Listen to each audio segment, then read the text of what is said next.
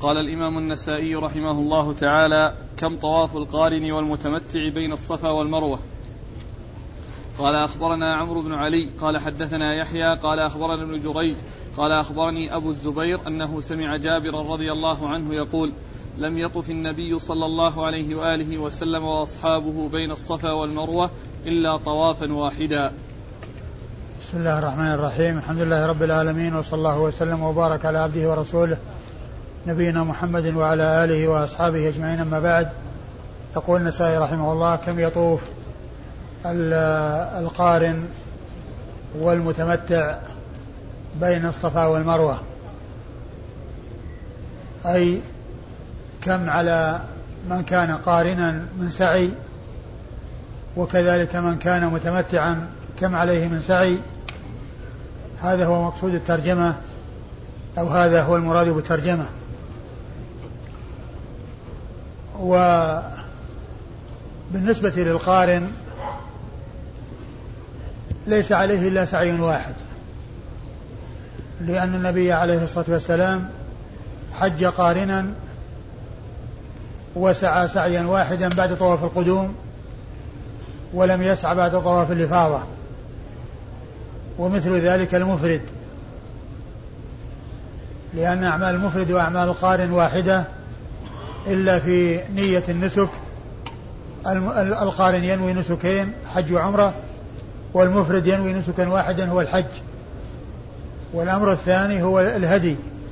القارن عليه هدي والمفرد لا هدي عليه. أما المتمتع فإنه يأتي بعمرته مستقلة وبحجه مستقلا وعمرته بركنيها الطواف والسعي. وحجه كذلك أيضا بأركانه التي منها الطواف والسعي. وعلى هذا فالمتمتع عليه طوافان وسعيان. طواف وسعي لعمرته وطواف وحج لعمرته وطواف وسعي لحجه. وهذا هو الذي دلت عليه الأدلة. وعائشة رضي الله عنها وأرضاها كانت ممن تمتع وحصل لها الحيض وأدخلت الحج على العمرة وصارت قارنة وطواف وطافت طوافا واحدا وسعت سعيا واحدا لحجها وعمرتها. لكن أزواج رسول الله صلى الله عليه وسلم اللاتي لم يحصل لهن ما حصل لعائشة وكن معتمرات طفن وسعينا وتحللنا ثم أحرمنا بالحج وطفن وسعينا للحج. وكانت عائشة رضي الله عنها وأرضاها لم يحصل لها مثل ما حصل لهن من أنهن طفن مرتين وسعين مرتين. فطلبت من النبي صلى الله عليه وسلم أن تأتي بعمرة مستقلة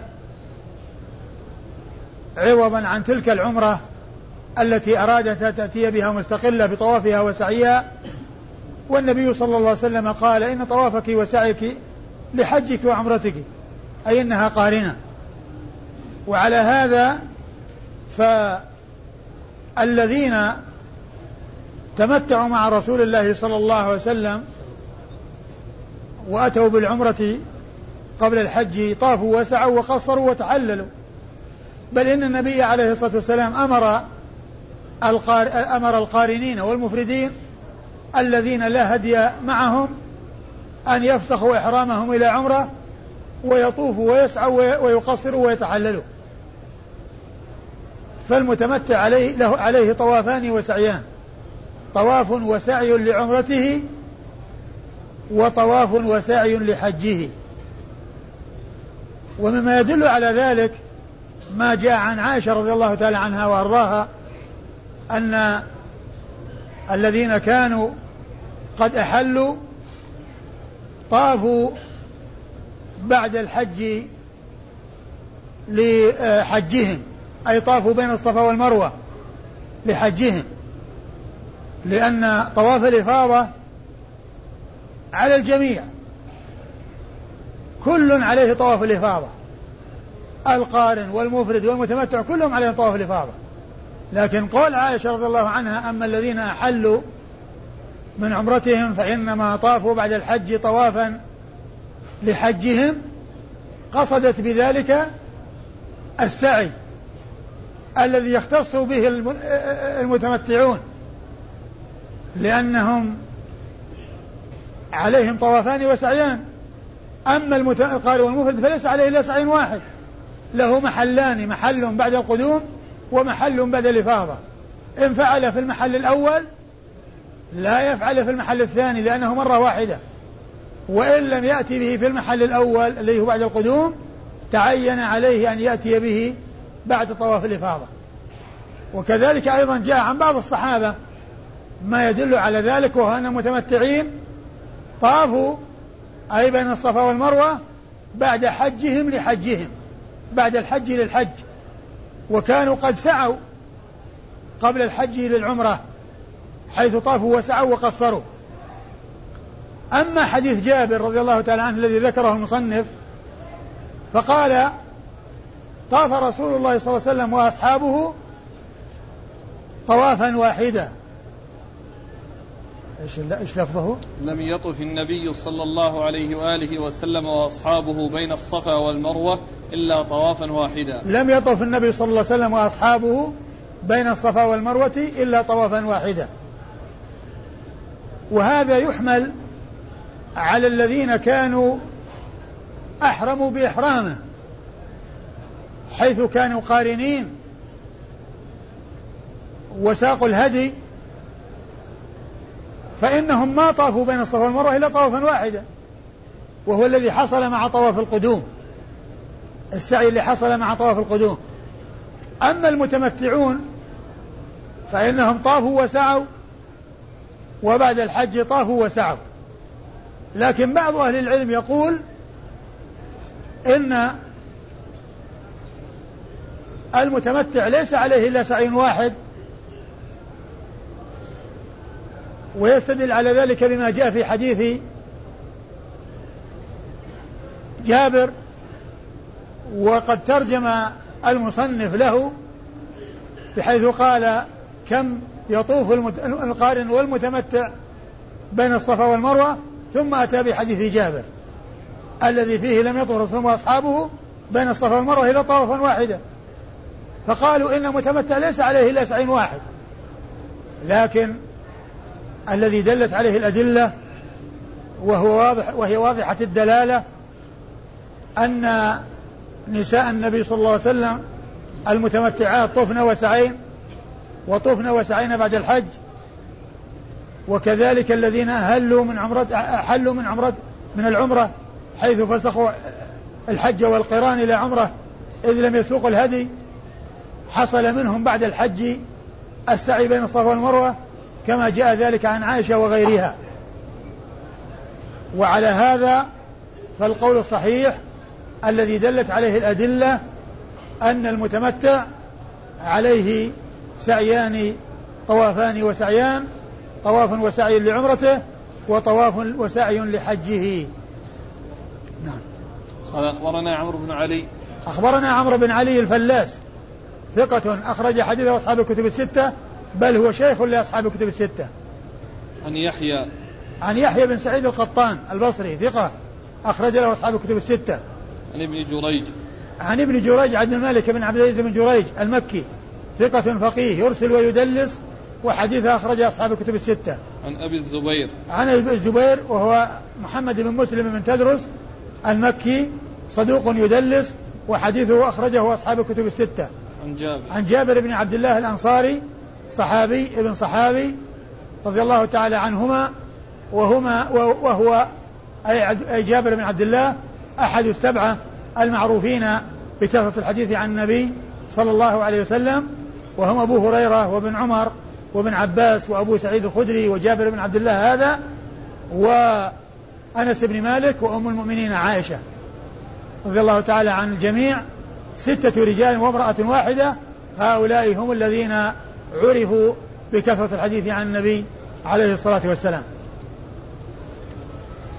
قال أين يقصر المتم... أين أين يقصر المعتمر؟ قال أخبرنا محمد بن المثنى عن يحيى بن سعيد عن ابن جريج قال أخبرني الحسن بن مسلم أن طاووسا أخبره أن ابن عباس أخبره عن معاوية رضي الله عنهم أنه قصر عن النبي صلى الله عليه وآله وسلم بمشقص في عمرة على المروة. ثم ورد النسائي أين يقصر المعتمر؟ أي مكان تقصيره أين يكون؟ والجواب أنه يكون عند المروة إذا فرغ من الطواف والسعي المعتمر إذا طاف وسعى وانتهى من السعي عند ذلك عليه عليه التقصير أو الحلق. ويكون ذلك بعد الانتهاء ويكون عند المروة. لكن لو حصل أنه تأخر عن عن ذلك عن ذلك الوقت وعن وليس في ذلك المكان فإنه يمكن أن يحصل. اللهم إلا إذا طال الأمد نسيه وطال الأمد أو أنه نسيه وكان متمتعا ثم أحرم بالحج ثم أحرم بالحج فإنه في هذه الحالة يكون ترك واجبا من واجبات العمرة ألا وهو التقصير ويكون عليه فدية. أما إذا كان الوقت قريب وسواء كان عند المروة أو ليس عندها فإنه يأتي بالتقصير. لكن المقصود من الترجمة أن المعتمر يقصر إذا فرغ من السعي وفراغه من السعي يكون بالانتهاء بالمروة وعند ذلك يأتي بالنسك الذي هو التقصير ويكون التحلل من العمرة بذلك. وقد أورد النسائي حديث معاوية بن أبي سفيان رضي الله تعالى عنه أنه قصر عن النبي صلى الله عليه وسلم في عمرة بمشقص عند المروة. وهذه العمرة الأقرب أنها عمرة الجعرانة. لأنها هي العمرة التي يمكن لمعاوية أن يقصر فيها. لأن عمرتان لأن عمرتين كانتا قبل إسلام معاوية. وذلك عمرة الحديبية وعمرة القضاء. والعمرة الرابعة هي التي كانت بعد بعد الفتح وبعد إسلام معاوية. والعمرة العمرة الثالثة والعمرة الرابعة مع حجته وليس فيها تقصير. وإنما التقصير في منى. وإنما التقصير في منى الحلق في منى. بعدما رمى ونحر حلق في منى. وهنا التنصيص أنه في عمرة. فالعمرة الممكنة في حق معاوية هي عمرة الجعرانة التي حصلت في السنة, السنة الثامنة بعد فتح مكة. فهي التي يمكن أن تكون لأن عمر النبي صلى الله عليه وسلم أربع. عمرة الحديبية التي صده المشركون عنها وعمرة المقاضاة أو عمرة القضاء أو القضية وهي التي في السنة السابعة وفي ذي القعدة من العام القابل. وعمرة الجعرانة وكانت في ذي القعدة من السنة الثامنة بعد بعد فتح مكة. وبعد مجيء النبي صلى الله عليه وسلم من الطائف. والعمرة التي مع حجته وهي مقرونة مع حجته وهذه كما هو معلوم لا تقصير فيها عند المروة. لا تقصير فيها عند المروة. وإنما الحلق حصل فيها بمنى. بعدما رمى ونحر عليه الصلاة والسلام حلق رأسه. ثم نزل إلى مكة وطاف طواف الإفاضة. نزل إلى مكة وطاف طواف الإفاضة. رمى ثم نحر ثم حلق ثم طاف. عليه الصلاة والسلام. وعلى هذا فهذا التقصير الذي حصل من معاوية رضي الله عنه إنما كان في عمرة. وهذه العمرة العمرة الممكنة هي عمرة الجعرانة التي كانت بعد إسلام معاوية وبعد فتح مكة. نعم. قال أخبرنا محمد بن المثنى. أخبرنا محمد بن المثنى هو الملقب الزمن المكنى بأبي موسى العنزي ثقة أخرج له أصحاب الكتب الستة بل هو شيخ لأصحاب الكتب الستة. روى عنه مباشرة بدون واسطة. عن يحيى بن سعيد عن ابن جريج عن الحسن بن مسلم. عن يحيى بن سعيد عن ابن جريج وقد مر ذكرهما. عن الحسن بن مسلم بن يناق المكي وهو ثقة أخرج حديث أصحاب الكتب الستة إلا الترمذي. عن طاووس. عن طاووس بن كيسان. وهو ثقة أخرج له أصحاب الكتب الستة. عن ابن عباس. عن ابن عباس عبد الله بن عباس ابن عبد المطلب ابن عم النبي صلى الله عليه وسلم وأحد العبادلة الأربعة من أصحابه الكرام وأحد السبعة المعروفين بكثرة الحديث عن النبي عليه الصلاة والسلام. عن عن معاوية. معاوية بن أبي سفيان رضي الله تعالى عنه وهو كاتب وحي النبي. عليه الصلاة والسلام وحديثه أخرجه أصحاب الكتب الستة. قال أخبرنا محمد بن يحيى بن عبد الله قال حدثنا عبد الرزاق قال أخبرنا معمر عن ابن طاووس عن أبيه عن ابن عباس عن معاوية رضي الله عنه أنه قال قصرت عن رسول الله صلى الله عليه وآله وسلم على المروة بمشقص أعرابي. ثم أورد النسائي حديث ابن عباس حديث معاوية من طريق أخرى وفيه تقصيره للنبي صلى الله عليه وسلم يعني عند المروة. قال في عمرة ولا ما قال في عمرة هنا؟ لا. عند المروة؟ على المروة. على المروة يعني آه هو يتعلق بالترجمة وهي المكان أو, أو أين يقصر المعتمر وأنه يكون على المروة أو عند المروة عندما ينتهي الإنسان من العمرة. فهو مثل الذي قبله. مثل الذي قبله ولكن الذي قبله فيه التوضيح بأنه في عمرة. ومن المعلوم أن التقصير على المروة إنما يكون في عمرة. والنبي صلى الله عليه وسلم آه، اعتمر أربع مرات عمرة صد عنها وعمرة القضية أتى بها وكان قبل إسلام معاوية وعمرة الجعرانة بعد فتح مكة وبعد إسلام معاوية وعمرة آه، العمرة اللي مع حجته هذه ما قصر فيها وإنما حلق في منى. وإنما حلق في منى. وعلى هذا فالعمرة التي حصل فيها هي عمرة الجر- الجعرانة كما عرفنا ذلك من قبل. نعم؟ قال أخبرنا محمد بن يحيى بن عبد الله. محمد بن يحيى بن عبد الله الذهلي النيسابوري وهو ثقة أخرج حديث البخاري وأصحاب السنة الأربعة. عن عبد الرزاق. عن عبد الرزاق بن همام الصنعاني. ثقة أخرجه أصحاب الكتب الستة. عن معمر. عن معمر بن راشد الأزدي البصري ثم اليماني. ثقة أخرج له أصحاب الكتب الستة. عن ابن طاووس. عن ابن طاووس عبد الله بن طاووس. ثقة أخرج له أصحاب الكتب الستة. عن أبيه عن ابن عباس عن معاوية وقد مر ذكرهم. قوله مشقص أعرابي. يعني هذا وصف. للمشخص. ما هو المشخص؟ المشخص هو يعني آه آلة يعني يقص بها ويقصر بها يعني آه مقص ولا؟ المقص أو غيره يعني مما مما يقصر به الرأس. قال كيف يقصر؟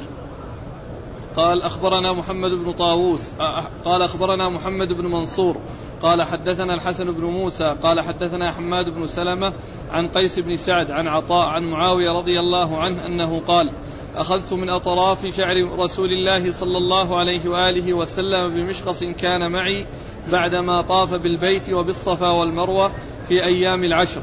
قال قيس والناس ينكرون هذا على معاوية. ثم ورد النسائي هذه الترجمة كيف يقصر؟ يعني أنه يأخذ من أطراف الشعر. والتقصير يكون لجميع الرأس كما هو معلوم ولا يكون لبعضه كما أن الحلق لا يكون لبعضه بل يكون لجميعه فالتقصير للجميع وليس للبعض. فعندما يتحلل الإنسان إما أن يقصر أو يحلق والتقصير لجميع الرأس والحلق لجميع الرأس. وإذا كان الإنسان معتمرا عمرة لا علاقة لها بالحج فال- فالأولى هو الحلق. وفي الحج الأولى هو الحلق. وإذا كانت العمرة متعلقة بالحج وكانت في وقت مبكر كان يذهب الإنسان إلى مكة متمتعا في شوال فإن الأفضل في حقه أن يحلق. لأنه يبقى قبل الحج مدة ينبت فيها الشعر ليحلق يوم النحر. أما إذا كان الإنسان ذهب معتمرا متمتعا والحج قريب ولا يكون هناك وقت يطلع فيه الشعر فالأفضل هو التقصير حتى يبقى شعر يحلق يوم النحر. معاوية رضي الله عنه في هذا الحديث أخبر بأنه قصر للنبي صلى الله عليه وسلم بمشقص كان معه وكان ذلك بالعشر أيام العشر أي العشر أشهر ذي الحجة. قال قيس أحد رواة الحديث وقد أنكر هذا على معاوية. يعني كونه يعني يقول في أيام العشر لأن الذي غيره ليس بمنكر. الذي غير ذكر العشر لأنه يتفق مع ما تقدم وكونه قصر للرسول صلى الله عليه وسلم هذا ثابت في الصحيحين. موجود في الصحيحين كونه قصر بمشقص عند المروة هذا ثابت في الصحيحين. لكن آه هذه الزيادة أو الزيادة التي فيها ذكر العشر أو فيها ذكر ال يعني ال يعني الزيادة اللي يعني زائدة على ما في الصحيحين وهي ذكر العشر هذا هو الذي أنكر. ولهذا فالإسناد يعني آه، مستقيم ويكون هذه الرواية فيها شذوذ لأنها مخالفة للروايات الأخرى لأن ذكر العشر يدل على يدل على عدم استقامة ذلك لأن النبي صلى الله عليه وسلم ما قصر لما جاء حاجا لأنه كان قارن وطاف وسعى وبقي على إحرامه. حتى حلق يوم النحر. حتى حلق يوم النحر. والذي جاء أنه كان في عمرة. والرسول صلى الله عليه وسلم ما ما تحلل من عمرته قبل يوم النحر. لأنه كان قارن, قارن جامع بين الحج والعمرة. وإنما العمرة التي كانت حصلت معاوية يمكن أن يقصر فيها عمرة الجعرانة. كما أشرت إلى ذلك من قبل. كما أشرت إلى ذلك من قبل. وعلى هذا فذكر العشر غير محفوظ. ذكر العشر أي عشر ذي الحجة غير محفوظ. فيكون يعني غير ثابت لأنه يتعارض مع ما هو معلوم من أنه صلى الله عليه وسلم كان قارنا وأنه لم يقصر لأنه كان قارن والقارن لا وقد ساق الهدي والذي ساق الهدي لا يتحلل إلا يوم النحر حيث يبلغ الهدي محلة والنبي صلى الله عليه وسلم بقي على إحرامه حتى رمى الجمرة ونحر وحلق يوم العيد. صلوات الله وسلامه وبركاته عليه. وعلى هذا فما جاء في الحديث يتفق مع ما تقدم إلا ذكر العشر فإن هذا لا يستقيم. ولهذا قال أنكر هذا على معاوية يعني ذكر العشر. أيوة. قال أخبرنا محمد بن منصور. أخبرنا محمد بن منصور وهذا هو الطوسي. محمد بن منصور الطوسي لأن النسائي له شي... له شيخان كل منهم محمد بن منصور. محمد بن منصور الجواز المكي ومحمد بن منصور الطوسي. وإذا جاء محمد بن منصور يروي عن سفيان فهو يكون الجواز لأن سفيان بن عيينة مكي والجواز مكي. لكن محمد بن منصور هذا هو الطوسي لأنه هو الذي يروي عن من؟ عن الحسن بن موسى. عن الحسن بن موسى. يروي عن الحسن بن موسى. ومحمد بن منصور الجو... المكي محمد بن منصور الطوسي ثقة أخرج حديثه أبو داود. والنسائي. أبو داود والنسائي. أبو داود والنسائي.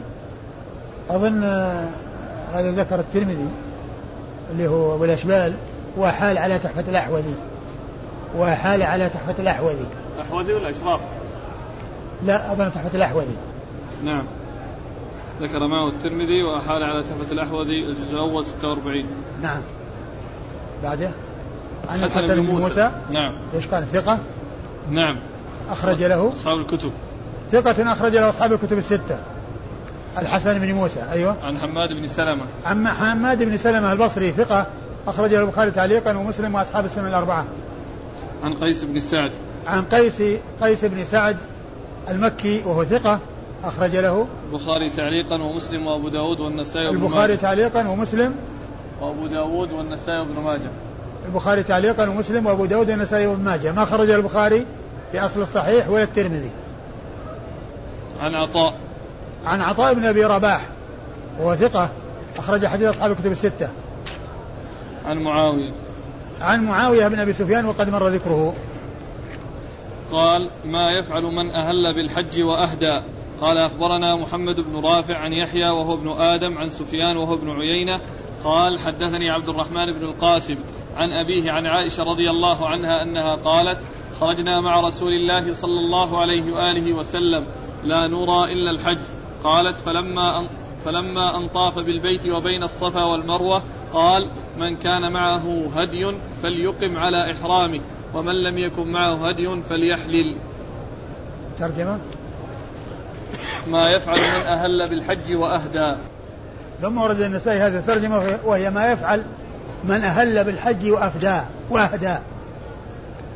من أهل بالحج أو العمرة من أهل بالحج والعمرة قارنا أو بالحج مفردا وساق معه هديا فإنه يبقى على إحرامه إلى يوم النحر. كما فعل رسول الله صلى الله عليه وسلم حيث حج قارنا وساق الهدي من المدينة وبقي على إحرامه إلى يوم النحر. فالقارن والمفرد اللذان اللذان لا معهما هدي عليهم البقاء على إحرامهم إلى يوم النحر. أما من كان قارنا أو مفردا ولم يهدي ولم يهدي فإنه يفسخ إحرامه إلى عمرة ويكون متمتعا كما جاء ذلك عن رسول الله صلى الله عليه وسلم في الأحاديث الكثيرة التي سبق آه، بعض منها. وأورد النسائي حديث عائشة رضي الله عنها أن النبي عليه الصلاة والسلام لما خرجوا ومع النبي صلى الله عليه وسلم قال من أحرم بالحج من أحرم؟ قال اللفظ خرجنا مع رسول الله صلى الله عليه وآله وسلم لا نرى إلا الحج. قالت فلما أن طاف بالبيت وبين الصفا والمروة. قال من كان معه هدي فليقم على إحرامه. ومن لم يكن معه هدي فليحلل. أه حديث أه عائشة رضي الله عنها خرجوا مع رسول الله يرون إلى الحج فلما طافوا بالبيت وسعوا بين الصفا والمروة قال ما كان معه هدي فليقم على إحرامه ومن لم يكن معه هدي فليحلل, فليحلل يعني آه، من عمرته من من آه، يعني إلى إلى عمرة يعتبر ما مضى عمرة ويكون بذلك متمتعا. ويحرم بالحج يوم ثمانية. ويحرم بالحج في اليوم الثامن. والمقصود أن من كان معه هدي وكان قارنا أو مفردا فإنه يبقى على إحرامه إلى يوم النحر. والحديث دال على ذلك وفعل النبي صلى الله عليه وسلم دال على ذلك. لأنه كان قارنا ومعه الهدي واستمر. ومثل القارن المفرد. ومثل القارن المفرد. والإسناد قال أخبرنا محمد بن رافع. محمد بن رافع النيسابوري القشيري ثقة أخرج أصحاب الكتب الستة إلا ابن ماجه. عن يحيى وهو ابن آدم. عن يحيى وهو ابن آدم وهو ثقة أخرج حديث أصحاب الكتب الستة. عن سفيان وهو ابن عيينة. عن سفيان وهو ابن عيينة وهو ثقة أخرج له أصحاب الكتب الستة. عن عبد الرحمن بن القاسم. عن عبد الرحمن بن القاسم بن محمد بن أبي بكر الصديق وهو ثقة أخرج له أصحاب الكتب الستة. عن أبيه القاسم بن محمد بن أبي بكر وهو ثقة فقيه أحد فقهاء المدينة السبعة في عصر التابعين وحديث أخرج أصحاب الكتب الستة. عن عائشة عن عمته عائشة أم المؤمنين رضي الله تعالى عنها وأرضاها الصديقة بنت الصديق التي أنزل الله براءتها مما رميت به من الإفك في آيات تتلى من سورة النور وقد حفظت الكثير من سنة النبي الكريم عليه الصلاة والسلام ورضي الله تعالى عنها وأرضاها وعن الصحابة أجمعين. قال ما يفعل من أهل بعمرة وأهدى. قال أخبرنا محمد بن حاتم. قال أخبرنا سويد. قال أخبرنا عبد الله عن يونس عن ابن شهاب عن عروة عن عائشة رضي الله عنها أنها قالت خرجنا مع رسول الله صلى الله عليه وآله وسلم في حجة الوداع. فمنا من أهل بالحج ومنا من أهل بعمرة وأهدى. فقال رسول الله صلى الله عليه وآله وسلم من أهل بعمرة ولم يهدي فليحلل. ومن أهل بعمرة فأهدى فلا يحل ومن أهل بحجة فليتم حجه. قالت عائشة وكنت ممن أهل بعمرة. ثم ورد النسائي من أهل بعمرة وأهدى, وأهدى. الإنسان إذا أهل بعمرة لا علاقة لها بالحج سواء كانت في أيام السنة في غير أشهر الحج أو في أشهر الحج وهو لا يريد حجا وإنما يعتمر وينتهي ويرجع وساق هديا فإنه إذا طاف وسعى إذا طاف وسعى ينحر هديه ويحلق رأسه. لأن هذه العمرة ليس لها علاقة بالحج. إما في أثناء السنة في غير أشهر الحج أو في أشهر الحج ولكنه لا يريد حجا. يريد أن يعتمر ويرجع. ومن المعلوم أن الإنسان يمكن أن يسوق الهدي معه وهو معتمر ويمكن أن يبعث بالهدي وهو مقيم كما فعل رسول الله عليه الصلاة والسلام وكما سبق أن مرت بنا الأحاديث الكثيرة عن النبي عليه الصلاة والسلام أنه كان يبعث بالهدي وهو مقيم في المدينة فما يمتنع من شيء كان يعني آه، يمتنع منه المحرم عندما يرسل هديه. فالهدي يمكن أن يرسل ويذبح وصاحبه مقيم في البلد ويمكن أن يذهب به معه وهو معتمر. وإذا طاف وسعى يحلق رأسه ينحر هديه ويحلق رأسه ويحلق رأسه. أما إذا كانت العمرة مرتبطة بالحج كعمرة التمتع التي يكون الإنسان دخل إلى مكة محرما بالعمرة وقد ولم يسق هدي هذه ما فيها إشكال. يعني كما مثل ما جاء في الحديث هنا يعني آه، آه، يحل ولكنه يشتري هديا ويذبحه لأن المتمتع لا بد عليه من هدي. إن استطاع وإلا صام ثلاثة أيام في الحج وسبعة إذا رجع إلى أهله. لكن إذا ساق هديا جاء في حديث عائشة هذا أنه لا يحلل. يعني بل يبقى على إحرامه. لكن كيف يكون فعله؟ هل إذا طاف وسعى آه، آآ آه، يدخل الحج على العمرة ويصير قارن أو أنه يقصر ويبقى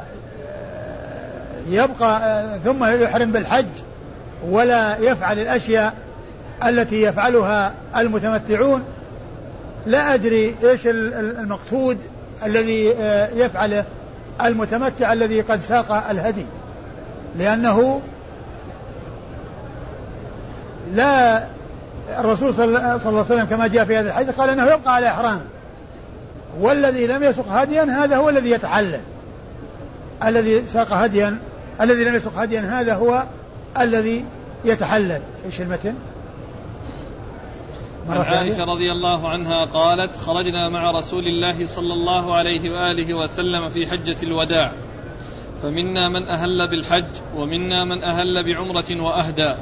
فقال رسول الله صلى الله عليه وآله وسلم من أهل بعمرة ولم يهدي فليحلل ومن أهل بعمرة فأهدى فلا يحل ومن أهل بحجة فليتم حجه. قالت عائشة وكنت ممن أهل بعمرة. وفي آخر الحديث قال ومن أهل بحج فليتم حجه. وهذا يحمل على القارن على على الذي ساق هديا. على القارن على, على الذي ساق هديا. أما من لم يسق هدي فقد جاءت الأحاديث الكثيرة عن النبي صلى الله عليه وسلم أنه يفسخ إحرامه إلى عمرة وأنه يكون متمتعا.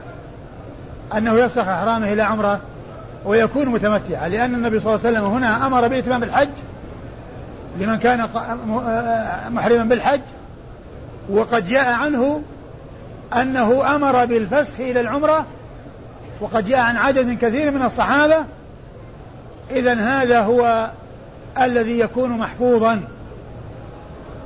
و وقوله فليتم حجه لا يناسب من لم يسق الهدي بل يناسب من كان قد ساق الهدي فهو يكون محمولا على من ساق الهدي. يعني يكون محفوظ ويكون محمول على ساق الهدي. أما أن يحمل على من لم يسق الهدي فإن هذا يخالف الأحاديث الكثيرة الدالة على أمر كل من ساق كل من كان قارنا أو مفردا ولم يسق هدي أن يفسخ إحرامه إلى عمرة. وأن يكون متمتعا. نعم الإسناد. قال أخبرنا محمد بن حاتم. أخبرنا محمد بن حاتم بن نعيم المروزي وهو ثقة أخرج حديثه النسائي وحده. عن سويد. عن سويد بن نصر المروزي ثقة أخرج حديثه الترمذي والنسائي. عن عبد الله. عن عبد الله هو ابن المبارك المروزي ثقة أخرج حديث أصحاب الكتب الستة. عن يونس. عن يونس بن يزيد الأيلي ثم المصري ثقة أخرج حديث أصحاب الكتب الستة. عن ابن شهاب. عن ابن شهاب محمد بن مسلم بن عبيد الله بن شهاب الزهري. ثقة أخرج حديث أصحاب الكتب الستة. عن عروة. عن عروة ابن الزبير بن العوام. ثقة فقيه. أحد فقهاء المدينة السبعة في عصر التابعين. وحديثه أخرج أصحاب الكتب الستة. عن عائشة. عن عائشة وقد مر ذكرها. قال أخبرنا محمد بن عبد الله بن المبارك قال حدثنا أبو هشام قال حدثنا وهيب بن خالد عن منصور بن عبد الرحمن عن أمه عن أسماء بنت أبي بكر رضي الله عنها أنها قالت قدمنا مع رسول الله صلى الله عليه وآله وسلم مهلين بالحج فلما دنونا من مكة قال رسول الله صلى الله عليه وآله وسلم من لم يكن معه هدي فليحلل ومن كان معه هدي فليقم على إحرامه قالت وكان مع الزبير هدي فأقام على إحرامه ولم يكن معي هدي فأحللت فلبست ثيابي وتطيبت من طيبي ثم جلست إلى الزبير فقال استأخري عني فقلت أتخشى أن أثب عليك؟ ثم ورد النسائي حديث أسماء بنت أبي بكر رضي الله تعالى عنها وأرضاها وهي أنه تخبر أنهم حجوا مع النبي صلى الله عليه وسلم وأن النبي عليه الصلاة والسلام أمر من كان معه هدي أن يبقى على إحرامه ومن لم يكن معه هدي وكان قارنا أو مفردا أن يفسخ إحرامه إلى عمرة وأنها كانت ليس معها هدي فحلت والزبير كان معه هدي فبقي على إحرامه. يعني أنه يعني بينت أنهم من أمثلة أو أنه حصل لها ولزوجها أن زوجها من الذين كان معهم هدي فبقي على إحرامه وهي من الذين لا هدي معهم فتحللت. يعني آه، صارت معتمرة وحلت من عمرتها وصارت حلالا وأخبرت بأنها لبست ثيابها وتطيبت وأنها جاءت عند الزبير فقال استأخري عني فقالت أتخشى أن أثب عليك؟ نعم. قال أخبرنا محمد بن عبد الله بن المبارك. أخبرنا محمد بن عبد الله المبارك المخرمي وهو صدوق ولا ثقة؟ ثقة. ثقة أخرج حديثه البخاري وأبو داود والنسائي. عن أبي هشام. عن أبي هشام وهو المغيرة بن سلمة. ثقة أخرج حديثه البخاري تعليقا ومسلم وأبو داود والنسائي وابن ماجه. أخرج حديث البخاري تعليقا ومسلم وأبو داود والنسائي وابن ماجه. عن وهيب بن خالد. عن وهيب بن خالد ثقة أخرج حديث أصحاب الكتب الستة. عن منصور بن عبد الرحمن. عن منصور بن عبد الرحمن بن طلحة الحجبي وهو ثقة أخرج حديثه أصحاب الكتب إلا الترمذي. أخرج حديث أصحاب الكتب الستة إلا الترمذي. عن أمه. عن أمه صفية بنت شيبة وهي لها رؤية وحديثها أخرجه أصحاب الكتب الستة. عن أسماء. عن أسماء بنت أبي بكر الصديق رضي الله تعالى عنها وعن أبيها وعن الصحابة أجمعين وحديثها أخرجه أصحاب الكتب الستة.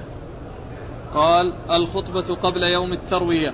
قال أخبرنا إسحاق بن إبراهيم قال قرأت على أبي قرة موسى بن طارق عن ابن جريج قال حدثنا عبد الله بن عثمان بن خثيم عن أبي الزبير عن جابر رضي الله عنه أن النبي صلى الله عليه وآله وسلم حين رجع من عمرة الجعرانة بعث أبا بكر على الحج فأقبلنا معه حتى إذا كان بالعرج ثوب بالصبح ثم استوى ليكبر فسمع, فسمع الرغوة فسمع الرغوة خلف ظهره فوقف على التكبير فقال هذه رغوة ناقة رسول الله صلى الله عليه وآله وسلم الجدعاء لقد بدا لرسول الله صلى الله عليه وآله وسلم في الحج فلعله أن يكون رسول الله صلى الله عليه وآله وسلم فنصلي معه. فإذا علي رضي الله عنه عليها فقال له أبو بكر أمير أم رسول؟ قال لا بل رسول. أرسلني رسول الله صلى الله عليه وآله وسلم ببراءة أقرأها على الناس في مواقف الحج. فقدمنا مكة فلما كان قبل التروية بيوم قام أبو بكر رضي الله عنه فخطب الناس فحدثهم عن مناسكهم حتى إذا فرغ قام علي رضي الله عنه فقرأ على الناس براءة حتى ختمها. ثم خرجنا معه حتى إذا كان يوم عرفة قام أبو بكر فخطب الناس فحدثهم عن مناسكهم حتى إذا فرغ قام علي فقرأ على الناس براءة حتى ختمها. ثم كان يوم النحر فأفضنا. فلما رجع أبو بكر خطب الناس فحدثهم عن إفاضتهم وعن نحرهم وعن مناسكهم. فلما فرغ قام علي فقرأ على الناس براءة حتى ختمها. فلما كان يوم النفر الأول قام أبو بكر فخطب الناس فحدثهم كيف ينفرون وكيف يرمون فعلمهم مناسكهم. فلما فرغ قام علي فقرأ براءة على الناس حتى ختمها. قال أبو عبد الرحمن ابن خثيم ليس بالقوي في الحديث وإنما أخرجت هذا لئلا يجعل ابن جريج عن أبي الزبير وما كتبناه إلا وما كتبناه إلا عن إسحاق بن إبراهيم. ويحيى بن سعيد القطان لم يترك حديث ابن خثيم ولا عبد الرحمن إلا أن علي بن المديني قال ابن خثيم منكر الحديث وكأن علي بن المديني خلق للحديث. خطبة قبل يوم التروية. الخطبة قبل يوم التروية. يوم التروية هو اليوم الثامن من شهر ذي الحجة وهو اليوم الذي يذهب الناس فيه إلى منى استعدادا للذهاب إلى عرفات في اليوم التاسع. والنبي صلى الله عليه وسلم كان نازلا بالأبطح منذ قدم مكة في اليوم الرابع إلى اليوم الثامن حيث خرج منها إلى منى وصلى الظهر بمنى. وهذه السنة في حق الحجاج أن يكونوا بمكة إلى اليوم الثامن وإذا جاء اليوم الثامن يحرمون من منازلهم بمكة إذا كانوا متمتعين. أما إن كانوا قارنين أو مفردين فهم باقون على إحرامهم يذهبون إلى منى إلى منى في اليوم الثامن. وإن ذهبوا إلى منى قبل اليوم الثامن ونزلوا فيه فلا بأس بذلك لكن نزولهم في منى قبل اليوم الثامن لا علاقة له بالحج وإنما يكون له علاقة في الحج في اليوم الثامن. يكون سنة اقتداء برسول الله عليه الصلاة والسلام. لكن لو نزلوا في منى لكونهم يعني آه توفر الأماكن وكونهم لا يستطيعون أن ينزلوا يعني في أماكن أخرى ولكنهم يعني آه ينزلون في خيامهم في منى قبل يوم التورية ما في بس لا بأس بذلك. لكن هذا النزول مثل نزولهم لو جاءوا في محرم ولا في صفر شيء لا علاقة له في الحج. نزول لا علاقة له في الحج. آه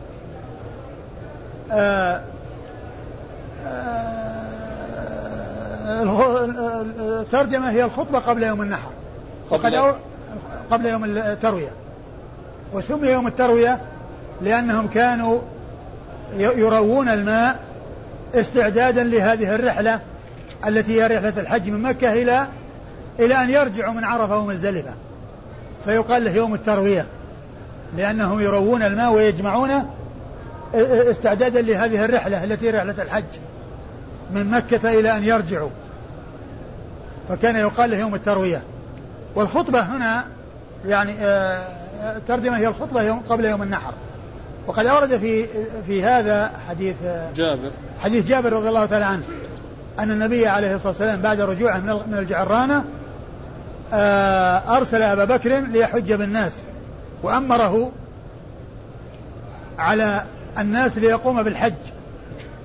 ومن المعلوم أن النبي عليه الصلاة والسلام كان أراد أن يحج في السنة التاسعة لكن لما كان المشركون يأتون بأعمال وما كان ذكر لهم من قبل الامتناع عنها فكانوا يحجون وهم مشركون ويطوفون بالبيت وهم عراة فالنبي صلى الله عليه وسلم أراد أن يؤذن في الناس في الحجة التي تسبق حجته ألا يطوف ألا يحج بدل عن مشرك ولا يطوف بالبيت عريان وألا يدخل مكة مشرك.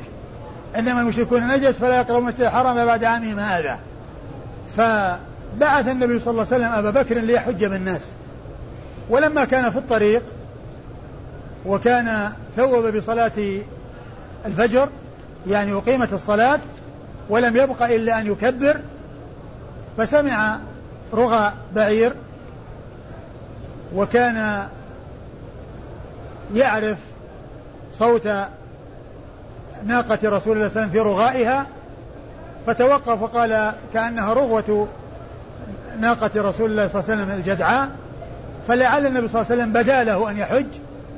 وأنه لحق بنا فنحن ننتظر حتى نصلي وراءه ويصلي بنا. وإذا علي بن أبي طالب رضي الله تعالى عنه وأرضاه على الناقة فقال له أمير أم رسول؟ لأن الرسول أمر أبا بكر وأرسله. فقال بل رسول أبلغ أقرأ على الناس سورة براءة. فذهبوا فلما جاء كان قبل يوم التروية خطب أبو بكر الناس وبين لهم يعني مناسكهم ثم قرأ قام علي وقرأ سورة براءة حتى ختمها.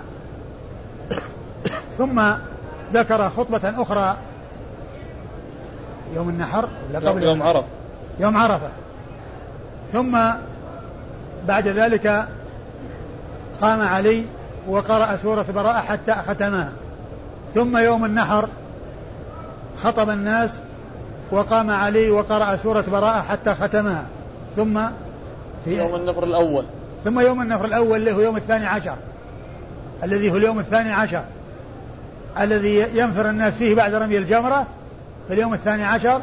فخطب الناس وقام علي بعد ذلك وقرأ سورة براءة حتى ختمها. بس. بس.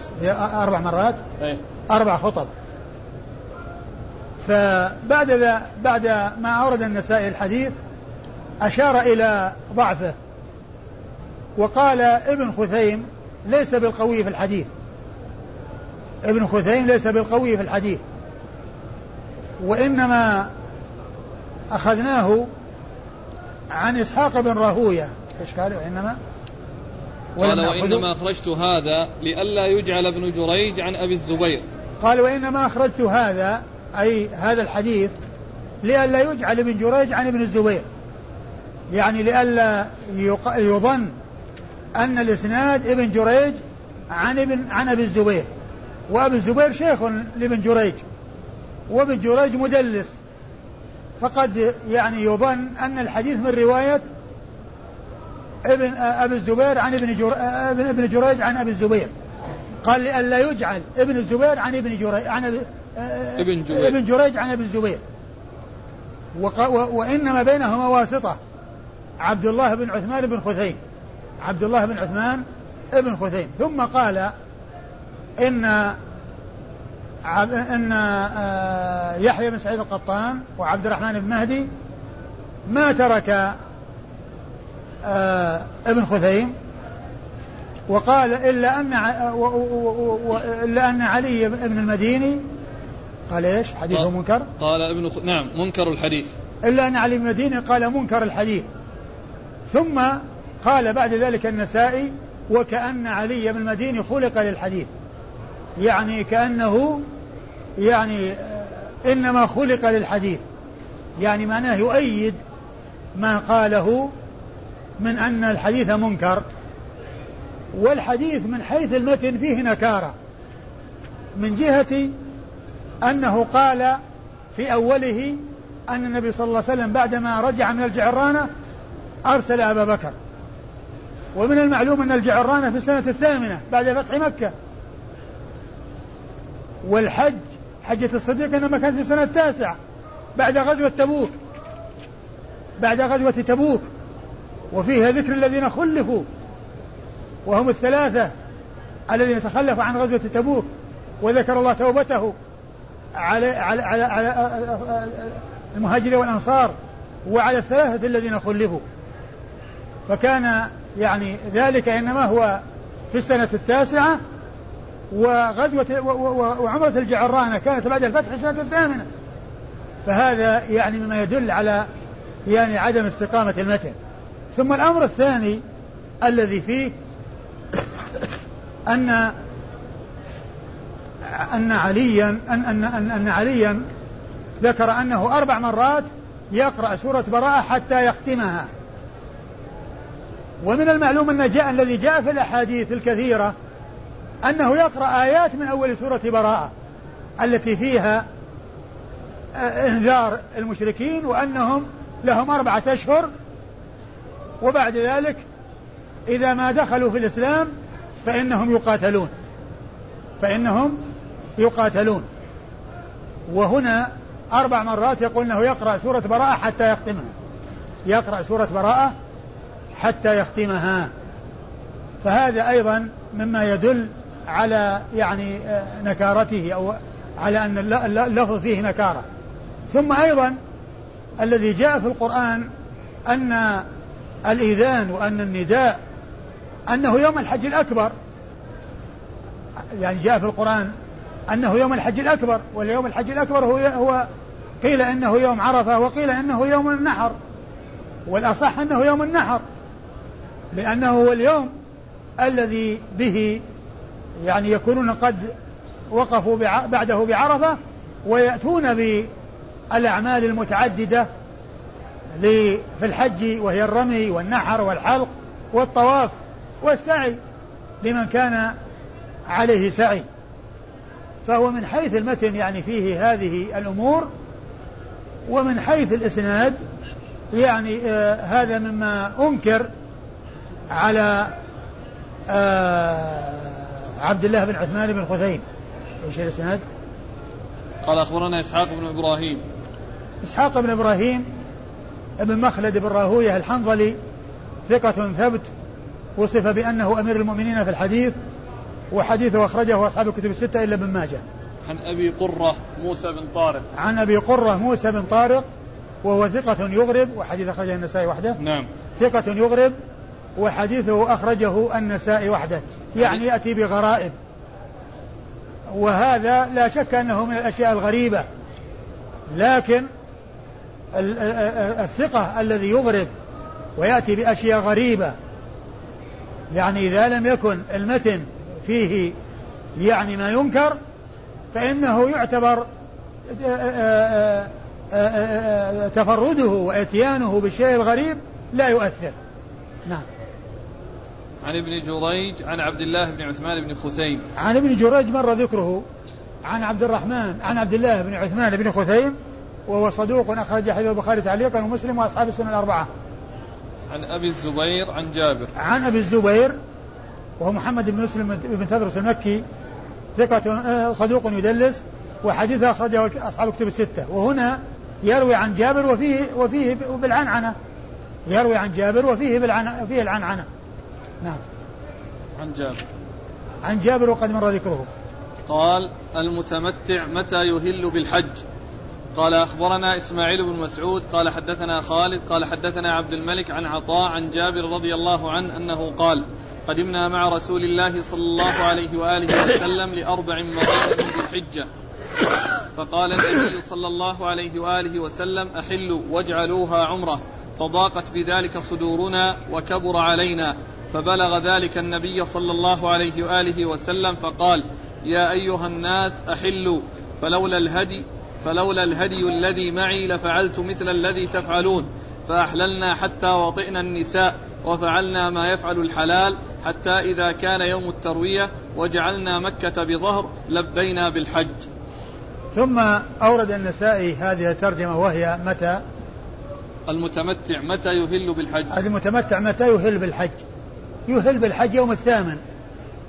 إذا كان نازلا بمكة فإنه عند يحرم من منزله وإذا يعني آه، اتجه إلى منى من منزله يدخل في الحج ويلبي. ينوي بقلبه الدخول في النسك الذي هو الحج ويلبي. لأن المتمتع عنده إحرامان وتحللان وطوافان وسعيان. يحرم من الميقات بالعمرة ويحرم من مكة بالحج. المتمتع متى يحرم بالحج؟ متى يهل بالحج؟ يهل به في اليوم الثامن. إذا كان نازل بمكة يركب ثم إذا اتجه إلى منى ينوي ويلبي. ويصلي الظهر بمنى وهو محرم. ويصلي الظهر بمنى وهو محرم. أما إن كان نازلا بمنى قبل اليوم الثامن. وكما قلت نزوله في اليوم الثامن جائز ولكن لا علاقة له بالحج. مثل الشخص الذي ذهب إلى منى في محرم أو في صفر أو في ربيع ما له علاقة في الحج. النزول قبل اليوم الثامن في منى لا علاقة له بالحج. نزول هكذا مثل النزول بمكة. بدل ما ينزل مكة ينزل في منى. لا بأس جائز. لكن لا يكون له علاقة في الحج وإنما يكون له علاقة في الحج يوم ثمانية يحرم ويكون في منى يصلي الظهر والعصر والمغرب والعشاء والفجر. خمسة أوقات يصليها في منى. يوم الثامن وليلة التاسع.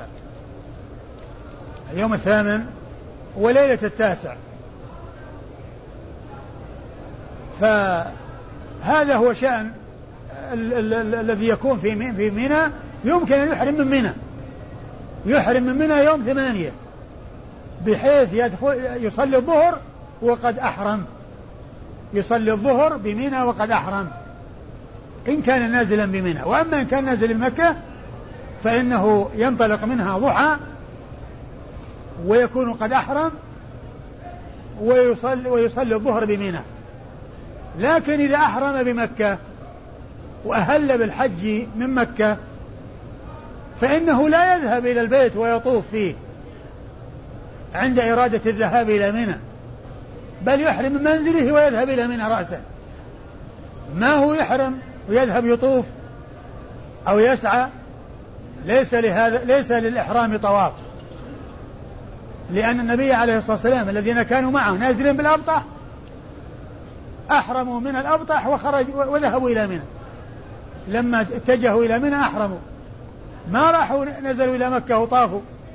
والنبي صلى الله عليه وسلم لما نزل لما دخل مكة ما دخل المسجد إلا ثلاث مرات. المرة الأولى عندما طاف طواف القدوم وسعى والمرة الثانية عندما طاف طواف الإفاضة والمرة الثالثة عندما طاف طواف الوداع. عندما طاف طواف الوداع. إذا المحرم المتمتع إذا أحرم من مكة أو من منى في اليوم الثامن لا يذهب إلى مكة أو إلى المسجد الحرام المسجد الحرام ويطوف عند الإحرام. لا ليس لهذا طواف. وليس للإنسان يطوف بل يفعل كما فعل أصحاب رسول الله عليه الصلاة والسلام الذين كانوا معه فإنهم أحرموا من منازلهم واتجهوا إلى منى. أيوة. قال أخبرنا إسماعيل بن مسعود. إسماعيل بن مسعود البصري ثقة أخرج حديث النسائي وحده. عن خالد. عن خالد بن الحارث البصري ثقة أخرج حديث أصحاب الكتب الستة. عن عبد الملك. عن عبد الملك بن جريج وقد مر ذكره. عبد الملك. بن جريج. ليه؟ هو بن أبي سليمان العرزمي. كذا لا. ذكره في تحفة الأشراف. لا تحفة الأشراف هو ذكر ابن جريج ولا ذكر ولا ذكر؟ أظنه قال ابن جريج. كان هذا عجيب قال ابن جريج. عجيب. أجل لعل النظر سبق. نعم. لا. عن عطاء. الذي أذكر أن في تحفة الأشراف قال عبد الملك بن جريج.